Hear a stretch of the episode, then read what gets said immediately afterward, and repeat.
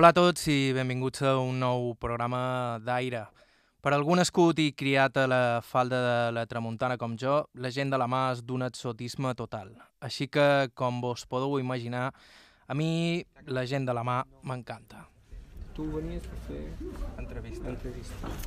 Però esperar, eh? Vale, que jo encara m'hauré d'anar. Vale. I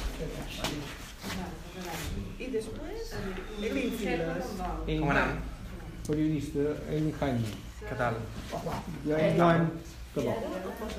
Cabot. Cabot. Nom de peix. Eh, mal peix, m'han dit. Uh, hi, ha, hi ha una, una altra paraula ciutadana que és més dolenta, que diuen ar, El Cabot. Arcabot. arcabot. No cabot, arcabot. Vol dir cabró. Això va ser el novembre passat. Som al port de Ciutadella, on en Jaume Cerdà, aquí acabeu de sentir, més conegut com en Jaume Nius, estava donant aquells dies un curs de fer nanses promogut per amics de la mà de Ciutadella.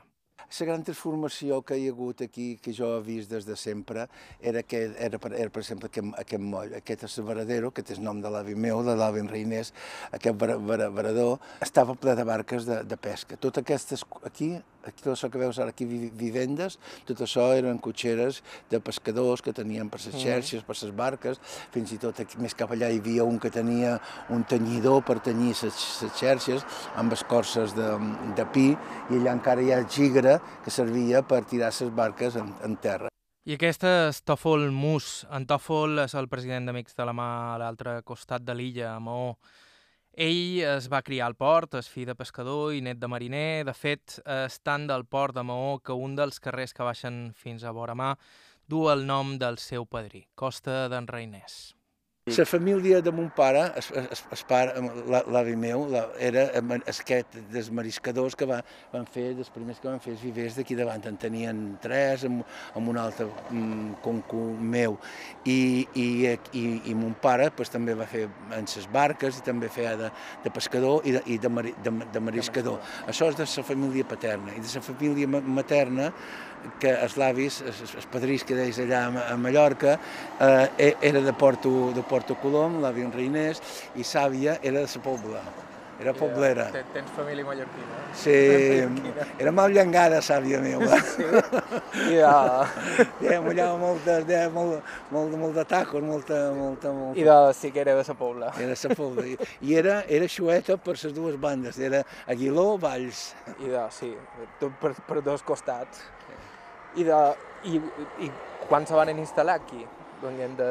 Sí, ells van venir, eh, la- les- l'avi en Reinés va venir a fer, l'any 1910 o així, es va venir a fer se- servei militar obligatori, devia tenir 19, 19 anys, i quan va, ell ja a Mallorca, doncs anava, eh, havia anat, eh, era, era, feia de pescador amb, amb un germà, i també supos que, que també contava que havia fet eh, eh, contra, contra, contrabando, havia, també havia naufragat un, una, una vegada, naturalment es va, salvar, es va salvar perquè si no no hagués vingut a Menorca, i després va, va aprofitar, quan va acabar la mili, en tota aquesta experiència que ell tenia de- de- d'encebre molt anar a, a la vela, doncs el vam, i, i, i de navegar va quedar fent feina a els transports militars de la, de la Mola i va ser quan va començar a posar barques d'aquestes en lloguer a la, a la vela i al rem i a fer viatges a l'altra banda. O sigui que una, una es va dedicar al, al transport i al lloguer de barques a la vela i l'altra venia dels pescadors, mariscadors de- d'aquí dintre. Eh, gent de la mà. Gent Estaves la mà. predestinat a ser Estava, president. estava, estava predestinat, estaves predestinat.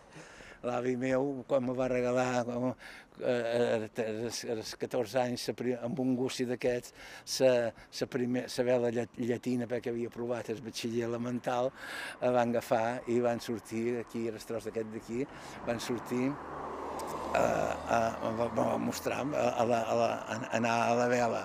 I em va dir, mira, dues coses d'aprendre, que és es, es plegar la vela i s'atracar així a la vela, sense, sense res ni res, però, però a vent, i deixar la barca aturada, eh, sense un vestit en terra. M'ho va mostrar, vaig aprendre i tal. Diu, el de més, ja ho aprendràs tu tot sol per allà enmig, a força de capçanades, i tenia tot, tenia tota la raó. Quants anys tenies quan te, te va revelar aquesta primera Tenia 13 anys, 13 anys eh, i mig, 13, 13 anys i mig. Ja és curiós també que els dos protagonistes d'avui, entrevistats tots dos a, a Menorca, tinguin orígens mallorquins. En Jaume Cerdà és directament mig pollencí. El 37. És a dir, que ara faré 80 anys. I vares néixer a Pollença. Uh, no, vaig néixer a Ciutadella, perquè els meus pares van venir de Mallorca, van venir a Ciutadella. Hi havia més pesca i de tot. I quan va arribar a Ciutadella, uh, mon pare, a son pare i els altres germans, els se van tancar a la presó.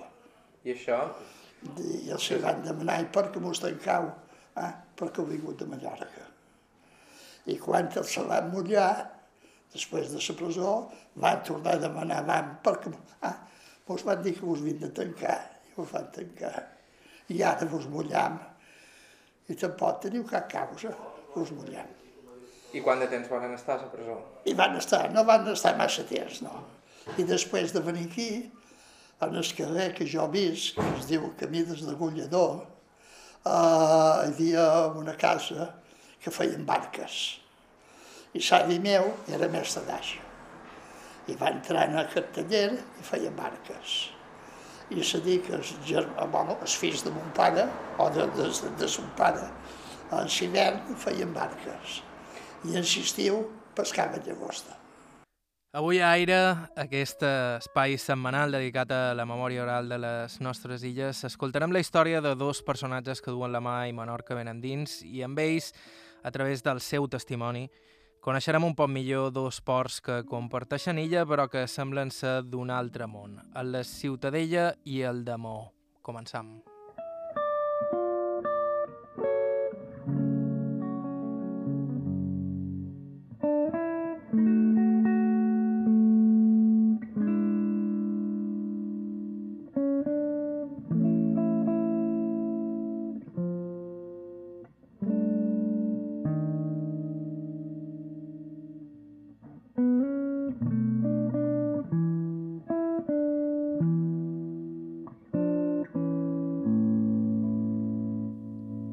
I començam al port de Maó, amb Tòfol Mus.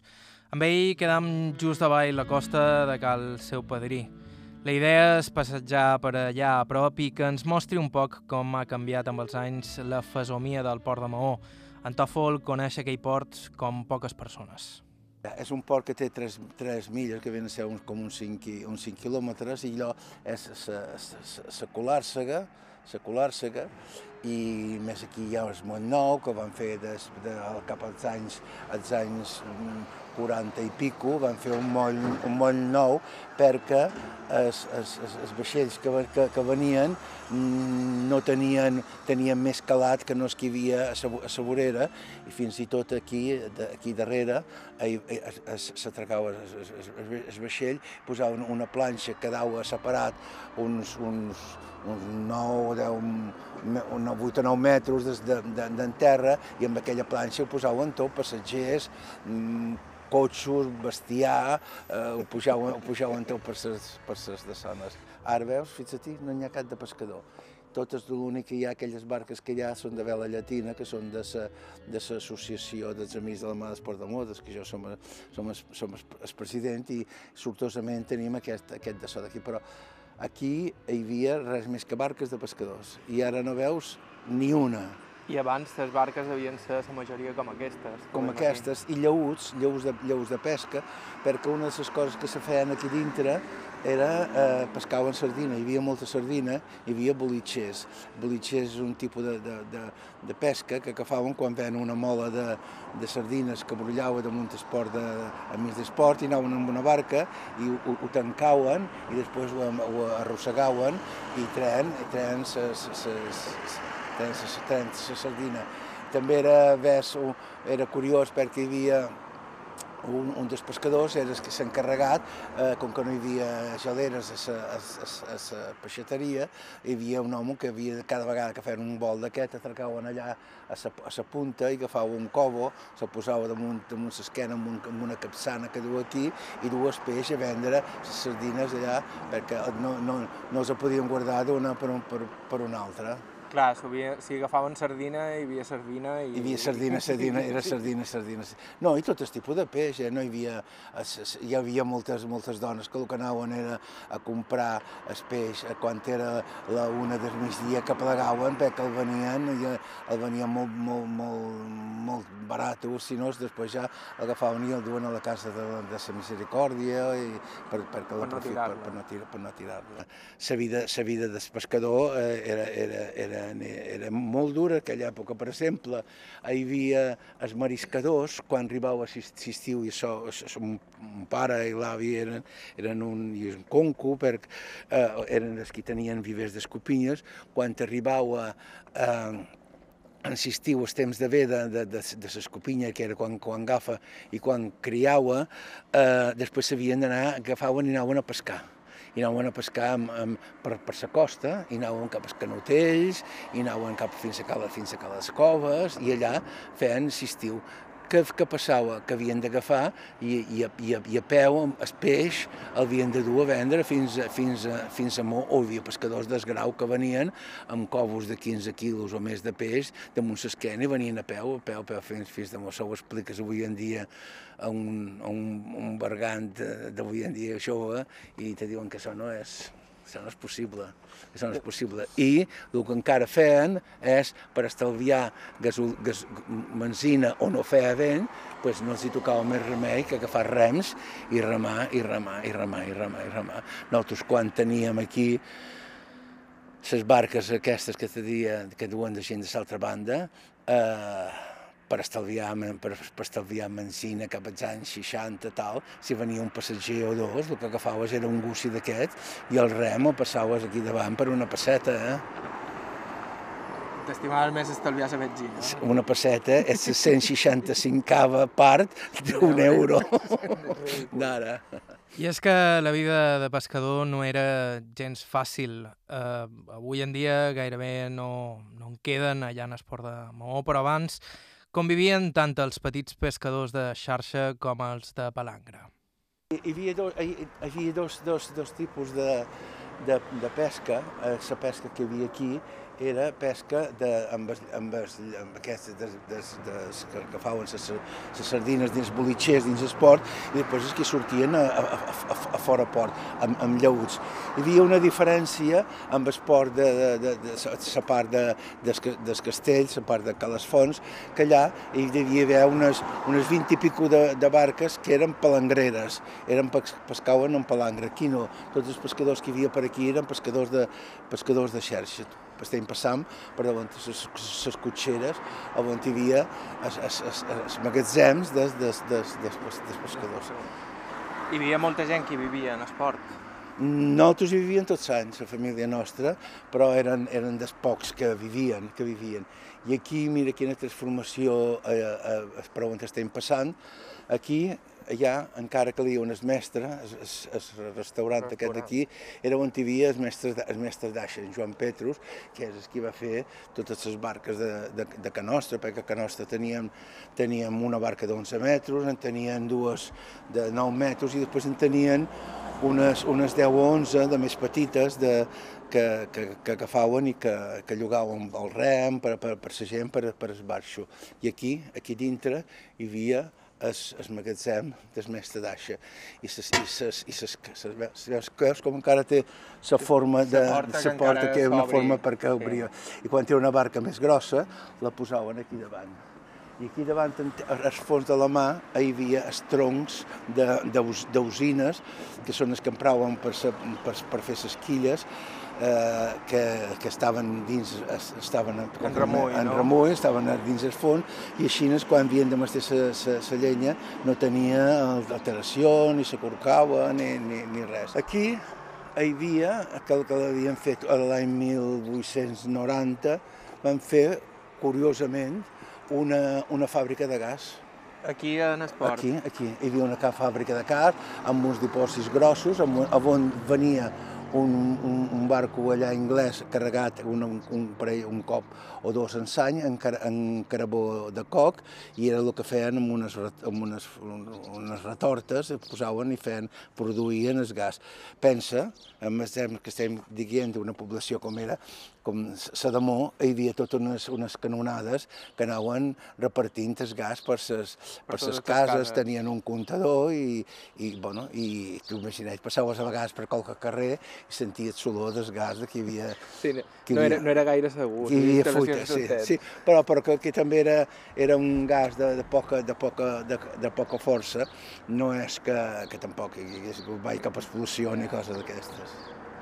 Me comentaves que quan vosaltres, quan tu hi vivies, éreu pocs els que vivíeu en esport. Sí, sí, sí.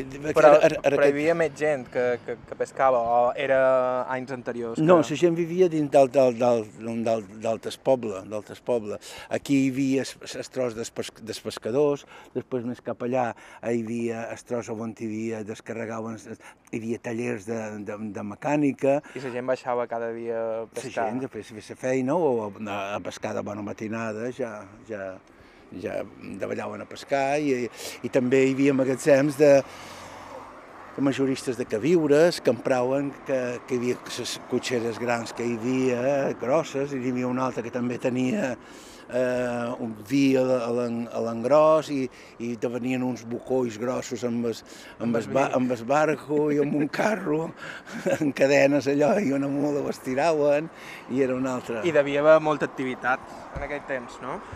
Sí, bueno, hi havia activitat, hi havia activitat, per exemple, hi havia, eh, quan descarregaven els barcos, ho descarregaven molt en mà, en carretilla, no hi havia ni, ni, ni containers ni, ni camions, sinó que ho duen tot, tot.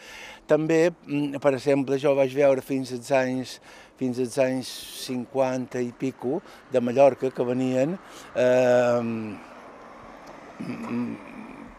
bueno, motovalers que, que els senties com entraven per esport, feien xop, xop, xop, xop, xop, i són d'aquests que duen vela de, de, venien en, en estones, els ajudaven a, a la vela, com les barques del bou de per aquí també, també encara ja els vistes en, te, en tenir la vela, després quan van aparèixer els motors més potents, doncs ja ho van, van agafar i van suprimir. És una transformació gran, eh?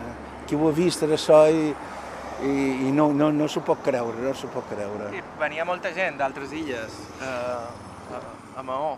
Sí, bueno, una de les, una, com que era una de les atraccions que, bueno, atraccions, entreteniments hi havia, era es, de Barcelona, venia els dimarts, dijous i dissabte, venia el vaixell de, de, de, de Barcelona i els dimecres venia els de, els de, els de, els de Palma i era veure de ballar la gent que venia, perquè venien, era, era era saber, aquest és d'amor, aquest és foraster, aquest és un viatge, no sé què, i són quantos, i, i, i venia totes, tota venia tota la gent que no tenia feina, perquè jo he vist aquí, he vist aquí, eh, es, es, quan li deien la colla, li deien a la gent que anava amb els, amb els barcos, que anaven a descarregar, hi havia molta feina manual d'aquest tip, tipus i, i bé, hi havia un, un escapatàs que se posava a un, a un lloc que li deia avui tu, tu, tu, tu, tu, i teniu, teniu feina, els altres ja vos en podeu anar.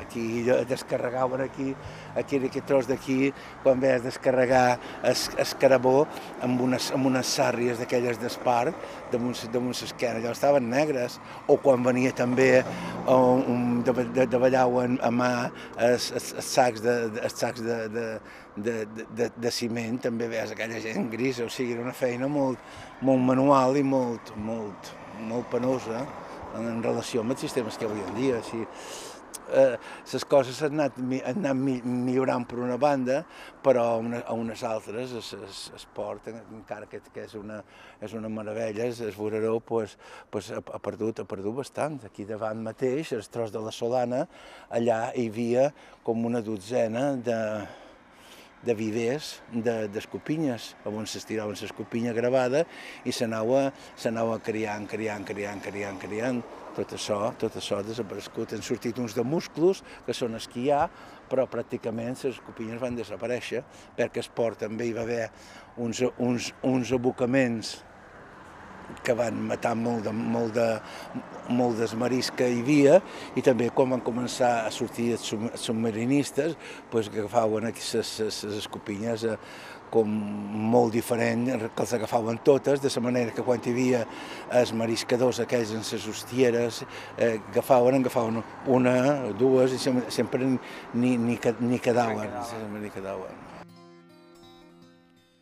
Sentíem a Tafol Mus Maones, president de l'Associació d'Amics de la Mà de Maó. Fem una petita pausa i travessam l'illa de port a port per sentir la història d'un pescador de llagosta mític i personatge entranyable, Jaume Nius.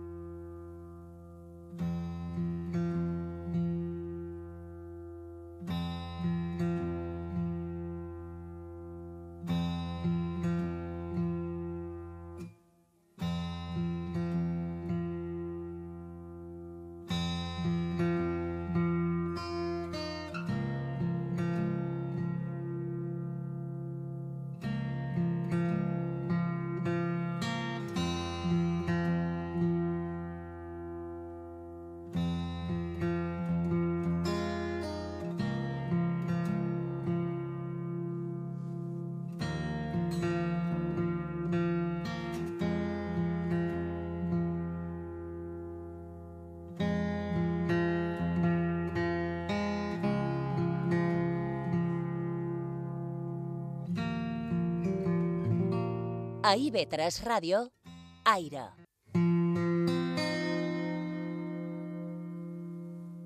A IB3 Ràdio, Aire, amb Joan Cabot. Continueu escoltant Aire, aquest raconet setmanal a IB3 Ràdio dedicat a la memòria oral de les nostres illes. Vos recordam que tenim a la vostra disposició un correu electrònic aire arroba i que sempre estem cercant gent amb històries que contar, així que ja ho sabeu. Nosaltres avui som a Menorca, coneixent de primera mà el Port de Maó i el de Ciutadella, amb Tòfol Mus i Jaume Cerdà, a qui vàrem entrevistar arran demà, on una estona abans estava donant un curs de com fer nanses. Aquestes, aquesta mena de gàbies de jonc que serveixen per capturar llagosta, encara que molts d'avui en dia només les fan servir per decorar.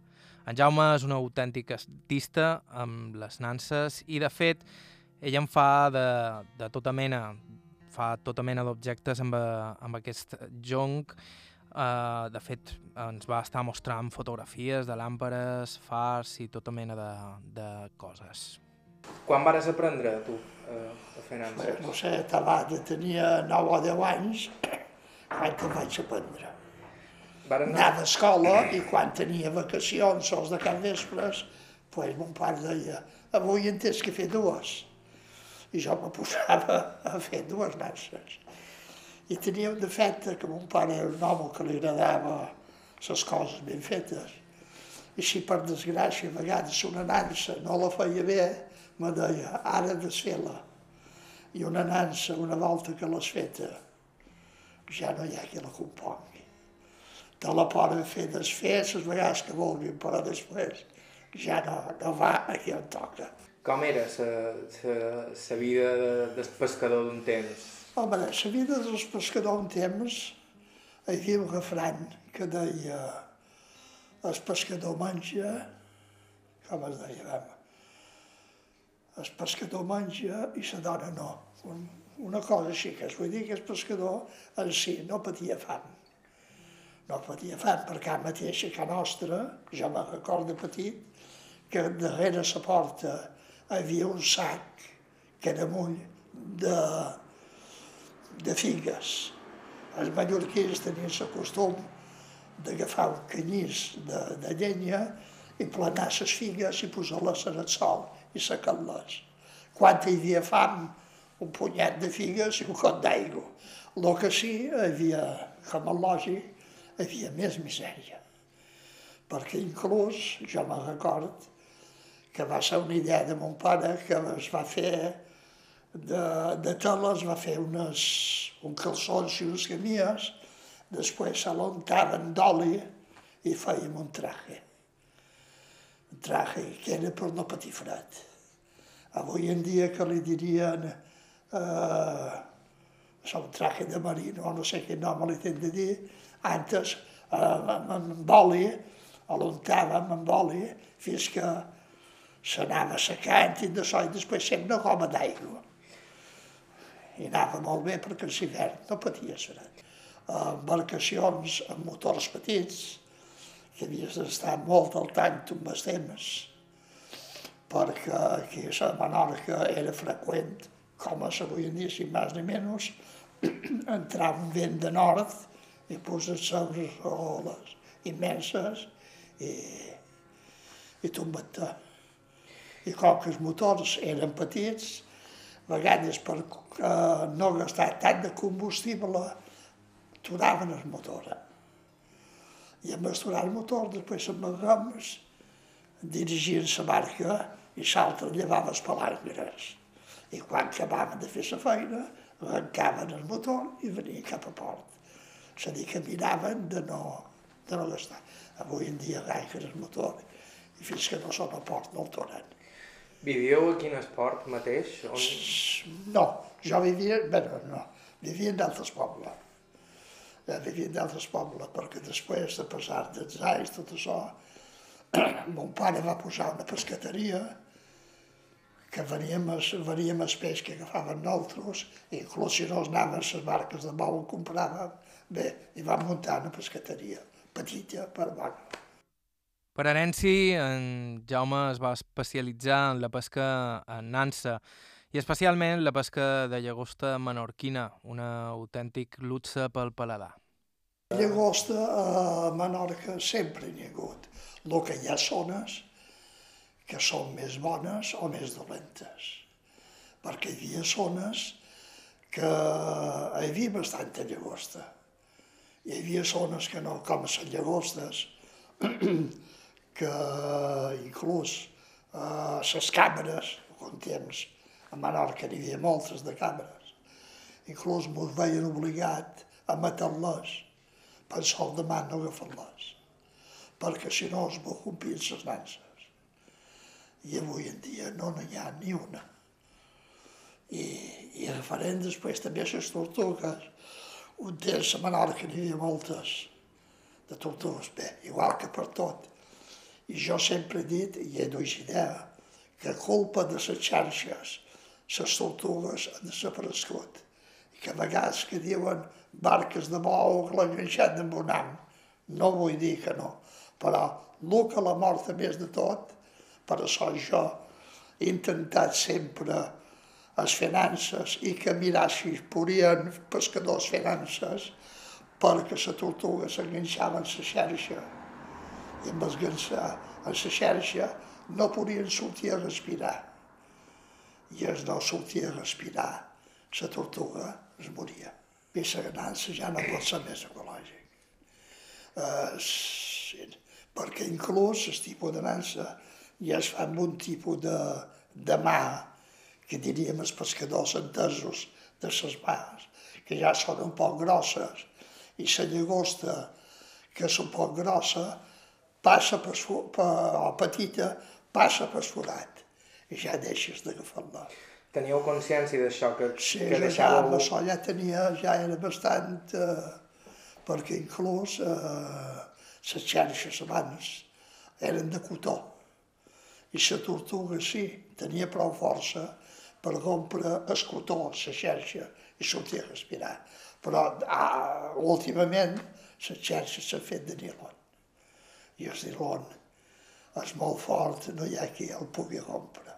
Cadascú ha tingut uns medis de, de, de pescar, eh, perquè generalment de pescadors d'anar a la ciutadella n'hi havia un parell.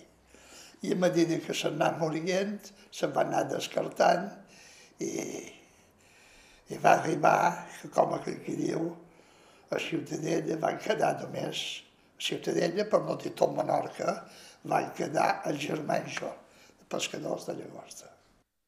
I com un dels pocs pescadors de llagosta l'antiga que va quedar a Ciutadella, Jaume Nius és tot un expert en una pesca, en un tipus de pesca, que hi preferiria qualsevol altre tipus de feina. Una temporada vaig tenir un amic que va estar malalt, que va matar una partida d'anys al metge, i jo li vaig manar la seva embarcació, que era una barca de bau, i solia agafar la gamba a 600 metres de profunditat. I la pescava amor, davant sida de l'aire, començava allà davant sida de l'aire, allà mullaven la xerxa que li diuen es bou, i tirant sempre cap a llevant, cap a llevant. Vull dir, de camí, sempre cap a llevant. I arribava un cert punt que arribaves a una fundària enorme que li deien la fonera, després allà tombaven ja cap a la mola. I més o menys, quan eren davant la mola, més o menys era l'hora de tirar el bou dalt i anar cap a port, que sorties a les 6, a les 6 des de matí fins a les 6 des de cap vespre. Era moltes hores de dues bou aquell. I jo és una pesca que la vaig fer però no me va agradar mai. Perquè no, no la vius. Així com anar amb palangre, a llagosta, eh, que se eren ben agafades, posaren 20. I ahir va anar malament que en van agafar 5. I es bou, una volta que tiraves es bou dins barca, tant era que n'hi 10 quixons com 20 com dos. Acabaves aquella feina i ja havies acabat. La teva feina era d'estar en estimó, que en aquells moments que havia acabat la feina tu anaves a dormir una estona i un mariner m'anava una estona a estimó. Però no la vivies, la pesca ja n'hi podia molta de gamba o poca, però no, avui he anat ben agafada molta, però no allò de dir, no, s'ha anat bé, l'hem viscut, allò d'estar content. La marca de bou mai ho vaig veure, mai. La temporada de llagosta durava cinc mesos, temporada de llagosta. I cada cinc mesos, pues, es posarà nou. I de, de quin mes va, més o manco, quina temporada de sanyes?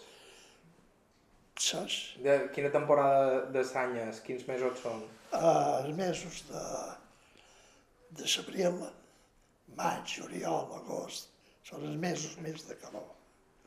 Són els mesos més de temporada de, de llagosta. I la resta de sany que pescàveu? I el resto de sany anàvem palangres. Però s'ha mostrat, això d'aquí, que seria una cofa, eh, i anaven els ams dins cofa, i el que pescava el palangre. I el palangre era es, es agafar el gerret, els gatons, els serrans, tot aquest tipus de pesca era la que s'aprofitava per fer la pesca. Ja són els millors i són pitjors per, per agafar llagosta. Tu com, com coneixes una zona? Ara, les zones, si se protegeix, les zones totes són bones. El que hi ha zones unes més bones i unes altres. Les zones que són d'un poc més de fundària sempre sol ser una zona més bona que pel fons. Sempre aquelles zones de, de dir jo, de 70, 80, 90 metres, sempre era la zona més bona per la llagosta vermella que agafàvem. A quan hi ha la llagosta que està blanquera, ja és de molt de fons. Ja és de, de 100, 200 i 300 metres. I com així és tan bona la llagosta de Menorca? Oh. Jo pens que serà per les aigües, perquè un puesto les aigües, no sé, tal vegada més, més salades, no serà els gust dels peixos diferent, perquè inclús jo tinc present molta gent que menjaven una cabra agafada de Menorca, tant Purissa de Mó com de Mallorca, no? que la trobava molt bona, comparat a una cabra de Galícia. I és per, que, és per, per les aigües. Per les aigües més salades, més de zones, sabeu que és, els peixos més bo o més dolent. Hi ha, hi ha tipus de d'ormenys so que li donen molt de noms, però la nansa només tenia el nom de nansa feta de joc i canya i el principal que era l'embut. que s'embut, nosaltres li deia s'enfàs, que aquí on entrava la llagosta i tenia la part de dins un parell de pues i la llagosta no podia sortir. I, i en les nances, pues, segons quines zones, agafaves moltes molleres, la bròtola, que seria en castellà, que avui en dia han desaparegut molt. Jo hi havia temporades en les nances que hi havia setmanes de 80 i 90 quilos, hasta que fan 100 quilos de molleres, molles de quilo i mig i dos quilos. Passaves gust de menjar un peix agafat de nansa, perquè no estava, no estava copatjat. Així com a la xerxa, la millor es copeja o un pop o la xocolata, en la nansa sempre estava més. I em posàveu 600 Jo, nanses. i a la nansa jo pescava en 600, més o menys, i maduraven 4, 3 mesos. Després se podria, eh, en els fons no quedaven restos perquè era fet de jonc i canya, i no quedaven restos a les fons, a dir que no feia malbé els fons, i després s'havia de fer noves. El funcionament de la nansa anaven amb una corda que anava un, unides per un, per un calament, que cada extrem hi havia una pedra amb un forat i una bandera de Montsaigo per saber aquí la sora que tot, tot tenia. I uh, les nanses anaven unides en la corda mateixa cada vuit braces.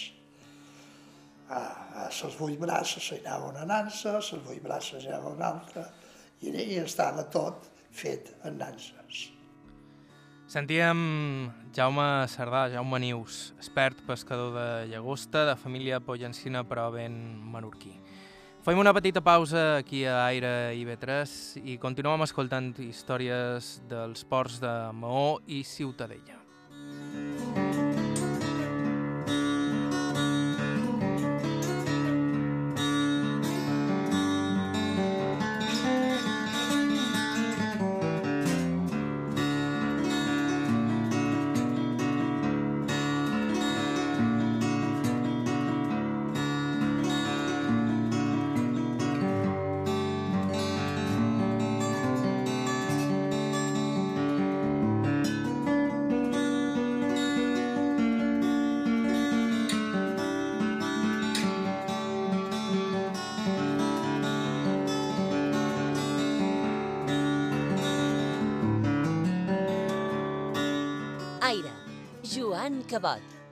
IB3 Ràdio.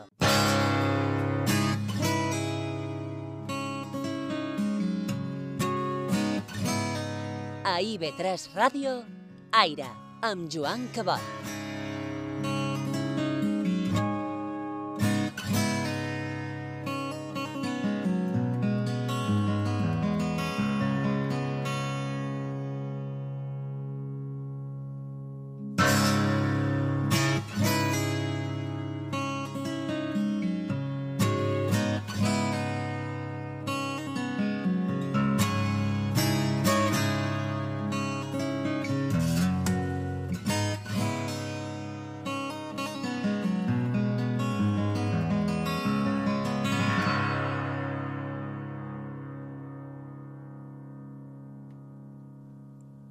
Recte final del programa d'avui. Estau escoltant Aire i Vetres Ràdio. Cada setmana vos oferim un programa al voltant de les vivències i records dels nostres protagonistes. Un programa que podeu seguir també a iTunes Podcast i altres serveis semblants on vos hi podeu subscriure. Avui hem estat escoltant a Jaume Cerdà, pescador de llagosta i expert en l'art de, de finances, i Tòfol Mus, mariner i de família marinera que coneix com pocs el port de Maó. Estàvem recordant com era el món de la mà abans, quan la tecnologia no havia fet de les zones un espai tan transitat i fàcil de transitar. I precisament sobre els seus perills també ens en varen parlar a Maó, on Tòfol Mus ens recorda que la mà era sovint també ben perillosa. I tan perillós. Aquí hi va haver una, una, una barca cap als anys, cap als anys 50 i pico xines, hi va haver una barca que bueno, hi ha hagut bastant, bastanta gent que ha mort a la mà en, en temporal, però és que una de les coses més curioses que va, que va passar va ser una barca d'aquestes de bolitxera, que eren sis o set que anaven dintre, van enganxar les xarxes un dia de tramuntana, no hi va haver manera i som, tothom ja els adonava per, per desapareguts i, i és que d'una setmana van aparèixer al G es porta allà de Bogia i ve anat directament, quan ve la tramuntana, ve directe, directe, directament cap allà. I després d'allà van enviar un, un telegrama dient que, que estaven vius i després ho van recuperar. N'hi ha un que encara, que encara, que encara, encara és viu, encara és viu d'aquest. Era el més, és, és més jove de tot allà, era una, un, un bergant que, i encara, encara és viu. En Jaume Cerdà, a Ciutadella, també ens conta una història que encara li va fregar de més a prop. El dia que hagués pogut morir si no hagués estat per mania del patró d'aquella barca. Jo quan vaig venir de servici, amb permís, tenia un amic que era pescador, dic, escolta, que no m'hi ha José, per cert, ja farà anys. Dic, mira, demà vendrem vosaltres a pescar. Mon pare tenia la barca plena, I aquests, pues, eren dos tots sols. Dic, bueno, va, vens. I me record, o me recordaré sempre, que a les 10 del vespre va venir a meu. Diu, Jaime, ho sé molt, però demà no podràs venir a pescar amb altres. I jo li vaig demanar perquè. Diu, no, és que el conco meu no vol que venguis i amb jo no anaria a pescar, va entrar un cap de fibló i va tombar la barca i la barca va anar fons. És a dir, que tots els tripulants que hi havia es van morir tots, van perdre. I, i era, pel que jo dic, que un temps sense les barques petites, barques baixes, i segurament, segurament no quasi quasi segur, que havien arrencat el motor. I en va arrencar el motor, clar, el vent te, domin, te dominava més el vent que el que era el motor. I segur que el van trobar fent feina, llevant palangres, i quan van voler anar a posar el motor en marxa, amb el gran vent que hi havia, no van poder. En Jaume Nius ens parla dels perills de la mà com una cosa con natural a, a la seva feina i també una cosa connatural a, a l'esperit del port, de tirar endavant malgrat tenir el vent en contra. Com era eh, la vida aquí en el port de Ciutadella quan éreu jove? Jo que li tinc de dir, la vida sempre ha estat una vida pobra, perquè ha estat una vida pobra, però sempre amb resultats que sempre eh, han fet avant. No allò de dir perquè hi havia un parell de dies que, que eren un poc problemàtics. Allò tira molt en terra. No, si sempre es cap avant i sempre tirar. Eh, no mirar... Eh, I sempre, ja he dit de tot d'una, que la mà sempre tenia seny. Perquè mon pare estava molt al tant amb els temps. Si veia que els temps no li agradava, ja no sortíem vam veure un nivolat un poc més raro a la Las Vegas cap a port, perquè jo mateix a vegades deia, bueno, la més calma, i m'ho sabem d'anar. Però al cap d'un quart o vint minuts ja es havia posat una olatge, dic, no raro. I mon pare ja havia vist. Clar, un home també, començant de petit, i mon pare va morir als 8, als 88 anys, i sempre tota la vida eh, no va fer de pescador com el lògic, perquè arriba a cert punt que un home segons l'edat que té no pot pescar, perquè les feines són feixugues, i diu que no ho pots fer. Però tota la vida va ser en esport, perquè quan si no venia, anava el meu germà i li deia que, com ha anat? Per aquí on pesques? I, o venia jo, perquè un temps no hi havia eh, sondes, i no hi havia sagosca com hi ha avui en dia. Un temps anaves, els pescadors eh, es referien als puestos de la llagostes bons o dolents per les enfilacions. Les enfilacions eren referent a la terra, a les muntanyes. Com posaríem a Ciutadella per dir un algo, jo comprengueu, la muntanya del Toro eh, per la farola d'esport de Ciutadella, per dir una cosa. I així coneixíem les zones que eren més bones o més dolentes. Com ho veieu? I coneixíem tot Menorca. A base d'anys s'hi coneixia el lloc de, de Benissafua, eh, no sé, t'he de dir to, totes les muntanyetes de Ciutadella, eh, com el Puig de Saguda, eh, la punta de Cala Turqueta, en fi, coneixies tota la costa, perquè a més no és que coneguessis la costa, no, coneixies la costa perquè a vegades amb un mal temps o qualque barco rompia els catsers, això era els catsers, que hi havia una a cada extrem, això és la pedra que anava als fons, i això era la de sona que sortia. I així sabíem, perquè a vegades la cosa que era, era millor agafar aquesta banda que no aquesta, i sabia que havien d'agafar des tot. I el sentit de conèixer la costa era que mos podia entrar la corda i anar tot en els fons. I després agafaven uns ganxos, que dèiem uns ganxos que estaven fets de civina, que era una branca d'arbres, en les branques d'un pam, i allò feia de ganxo. I allò el rascaven pels fons fins que agafaven les nances que havien perdut. Perquè servia per dues coses, per conèixer les roques i després per conèixer aquí on tenies tu posat les llagostes. Com han dit, en Jaume Nius, tot un expert en això de pescar llagosta. Aquesta pregunta darrere sobre com era el port quan era petit també li varen fer a Tòfol Mus, que ens va fer un dibuix de maó completament entranyable.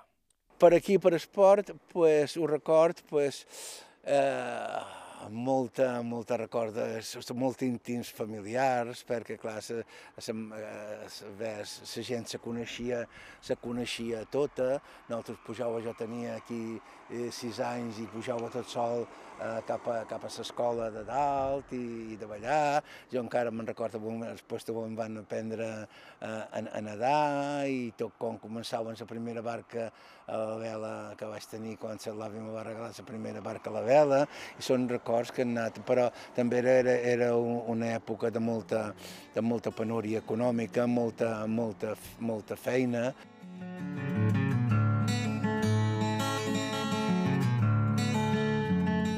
En Tòfol Mus i l'associació que presideix encara avui en dia intenten mantenir viva la tradició de navegar a vela, com es feia un temps. Tenen un grapat d'embarcacions amarrades a prop d'on vivia el seu avi. Segons ell, això de navegar a l'antiga és una cosa que, que pot aprendre qualsevol, però que també té el seu secret.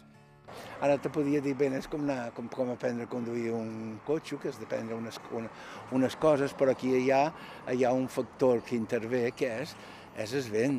Per exemple, avui aquí no podrien anar a la vela, en la gran, la que, està com un mirall d'aigua, això, i hi ha dies que aquí no hi pots, no hi pots, no hi pots anar a la, a la vela, eh, perquè són barques que tenen unes, unes mides, unes mides per, per, per, per esport i després també eh, són bar, eh, les barques de, de, de pesca eh, eren més feixugues, hi havia més, pers més, més personal per, per, per, per fer un ris o plegar la vela si feia molt de vent, i ara pues, hi vas tu, tu tot sol o amb una altra persona que t'ajudi a fer contra, contrapès, però te puc dir que que és una meravella que fa la barca la vela aquí, anar fins, fins, a, fins allà, fins a la boca d'esport, i més ara, ara aquesta època de l'any, que no hi ha tant de trànsit de, de tota la gent, i perquè insistiu, això és una professor de barques que entren i surten, sobretot els dissabtes i els diumenges, i per anar a la vela atrevessant entre les barques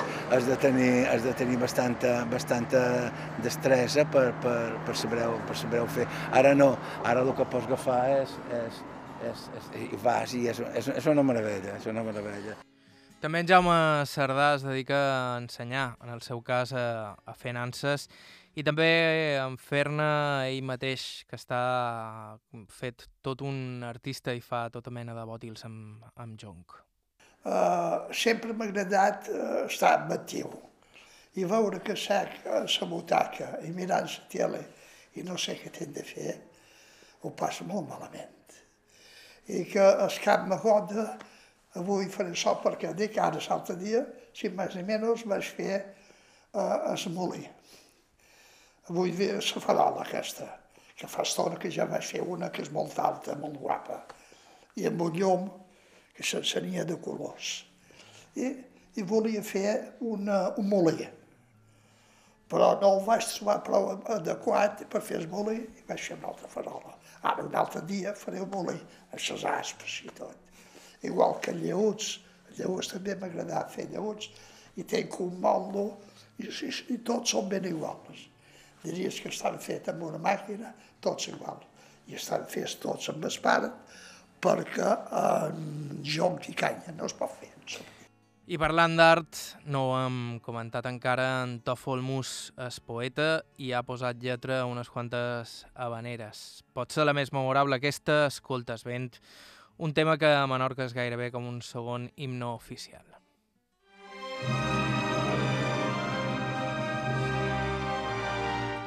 I amb això arribam al final del programa d'avui. Gràcies a Jaume Nius i a Tòfol, a Tòfol Mus per la seva paciència i les seves memòries i gràcies als amics de la mà de Maó i Ciutadella per donar-nos un cop de mà aquells dies passats per Menorca. Nosaltres tornem la setmana que ve amb un nou programa. Ens podeu seguir a Facebook Aire IB3, a Instagram Aire barra baixa IB3 i també ens podeu contactar a aire arroba ib3radio.com. També us podeu subscriure a Aire a través d'Apple Podcast i altres serveis similars. Vos recordam que alguns dels materials d'aquest programa formen part dels fons, dels arxius, del so i de la imatge, dels Consells de Menorca, Eivissa i Formentera i de l'Arxiu Oral de Mallorca de la Fundació Mallorca Literària Consell de Mallorca. Miqui Fiol a la producció tècnica vos ha parlat Joan Cabot. Fins la setmana que ve. Al